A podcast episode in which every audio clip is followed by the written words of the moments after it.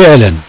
هناك من يحمل في قلبه الكثير من السواد ومن مصائب الإنسان أنه مضطر للتعامل معهم لمعايشتهم لمرافقتهم في الكثير من محطات حياته. وهؤلاء لا يملون من وضع العراقيل على مساره فيسخرون منه يوما ويعملون على إحباطه أياما أخرى. يا أعزائي كلما حاول أحدهم إحباطي زادني إصرارا على بلوغ ما أعمل لأجله. وكلما عمل أحدهم على مراوغتي كنت له الجدار المنيع الذي يحمي ما بداخله بكل قوة.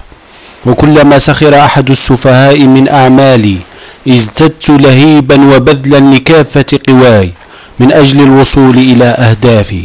فيا عزيزي الساخر أنت الوقود الذي يحملني إلى النجاح من دون أن تدري. يقول أحد العظماء لا تترك صغار العقول يوهمونك بأن أحلامك مستحيلة.